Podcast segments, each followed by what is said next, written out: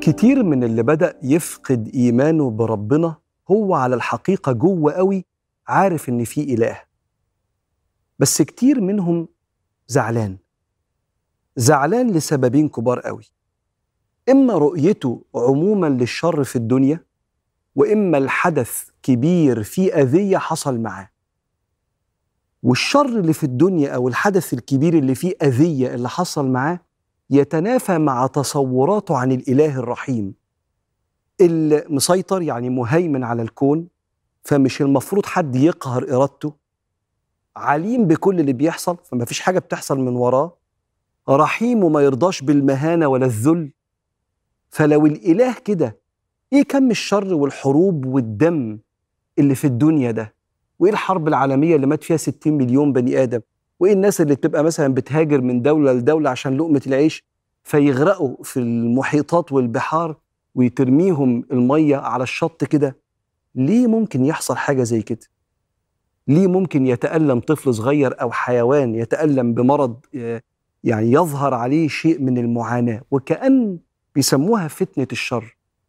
وكأن هذه الصدمة العاطفية والكلام ده كلام research بحث في Psychology Today عن أسباب هجرة التدين. عند كتير ممن يرون أنفسهم ملحدين. هو على الحقيقة زعلان. زعلان لأن الإله مش المفروض يسمح بده. فكأن الفكرة كده لمست يبقى مفيش إله. أو تبقى الأزمة اللي حصلت معاه شخصيه اتداس عليه جامد في حاجة.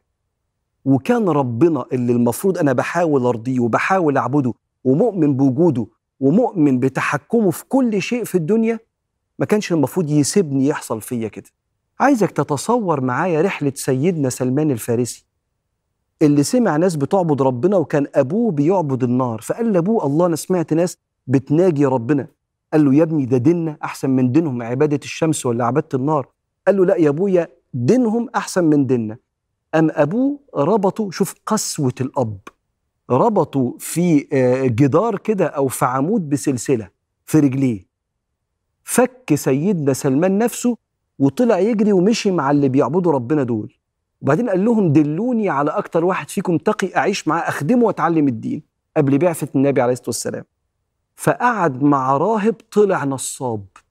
بياخد الناس من الناس فلوس الصدقة وبعدين يقوم واخدها لنفسه ويحوشها لنفسه. فاتصدم في ابوه واتصدم في رجل الدين اللي الناس بتقول عليه بياخدنا لربنا. وبالمناسبة ده سبب تاني من أسباب الإلحاد أو الزعل من السلطة الإلهية الكبرى هو التعرض لقسوة أب في التربية. والإحصائيات بتقول كده. أو الصدمة في رجل دين غير اراءه بطريقة فجة. ما هو لو الدين لو في ربنا وفي دين أصلح الراجل ده ما كناش هنشوف منه السلوكيات المنافقة المتنافية مع الأدب والذوق ولا مع الصدق والأمانة؟ كل ده بيعمل زعلة دفينة بتخلي بعض أصحابنا يشك في وجود الإله نفسه وهي رحلة. الشك ده لعله يكون وراه نية طيبة أو إنسان رحيم وطيب لكنه لازم رحلة لإجابة كل الأسئلة وفك الألغاز اللي ورا هذا الشك. لو ما خدتش الرحلة دي لآخرها بينهار الإيمان بالله. ده مش بس كده ده في سبب تاني للإلحاد وانهيار الإيمان كان موجود في أوروبا وأمريكا وبدأ يتسرسب شوية لأوطاننا العربية وهي الاستغناء بالعلم. إن العلم خلانا نركب الطيارات ونصعد للقمر بالصواريخ وسخرنا البحر. عملنا كل حاجة وكأننا لا نحتاج لقدرات الإله.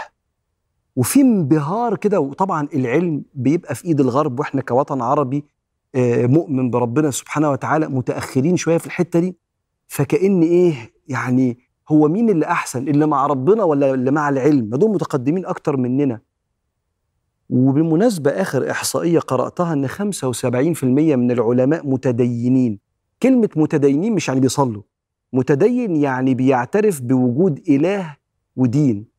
يعني العلماء اللي تعمقوا في العلم اكتشفوا إن في إله مش بعدوا عن ربنا.